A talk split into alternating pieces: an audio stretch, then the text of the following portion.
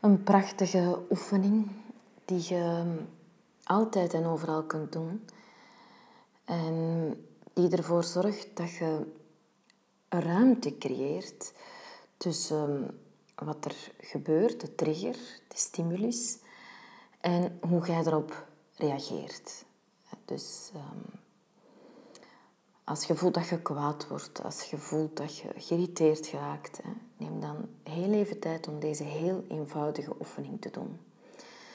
De drie ademhalingen, um, waaruit dat je bij de eerste inademing met aandacht naar je ademhaling gaat.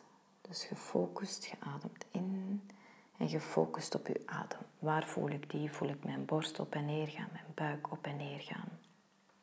Even bewust worden van de ademhaling en hoe dat voelt. De tweede ademhaling, laat je ontspanning toe. Want ontspannen, dat is niet iets dat we doen, dan hebben we spanning. Dat is iets wat we toelaten. Dus de tweede ademhaling zegt, oké, ik mag ontspannen. En ik mag nog wat meer ontspannen.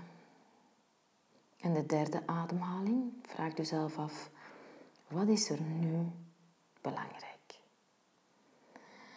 En dan kun je een antwoord vinden op die vraag en dan kunt je gedrag, je reactie daaraan aanpassen. Dus één, adem. En waar voel ik die? Twee, ontspannen. Ik mag ontspannen.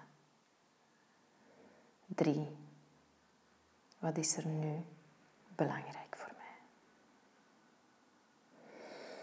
En voilà, heel kort en een wereld van verschil door die ruimte die je creëert om te kiezen hoe jij wilt omgaan met wat er nu gebeurt.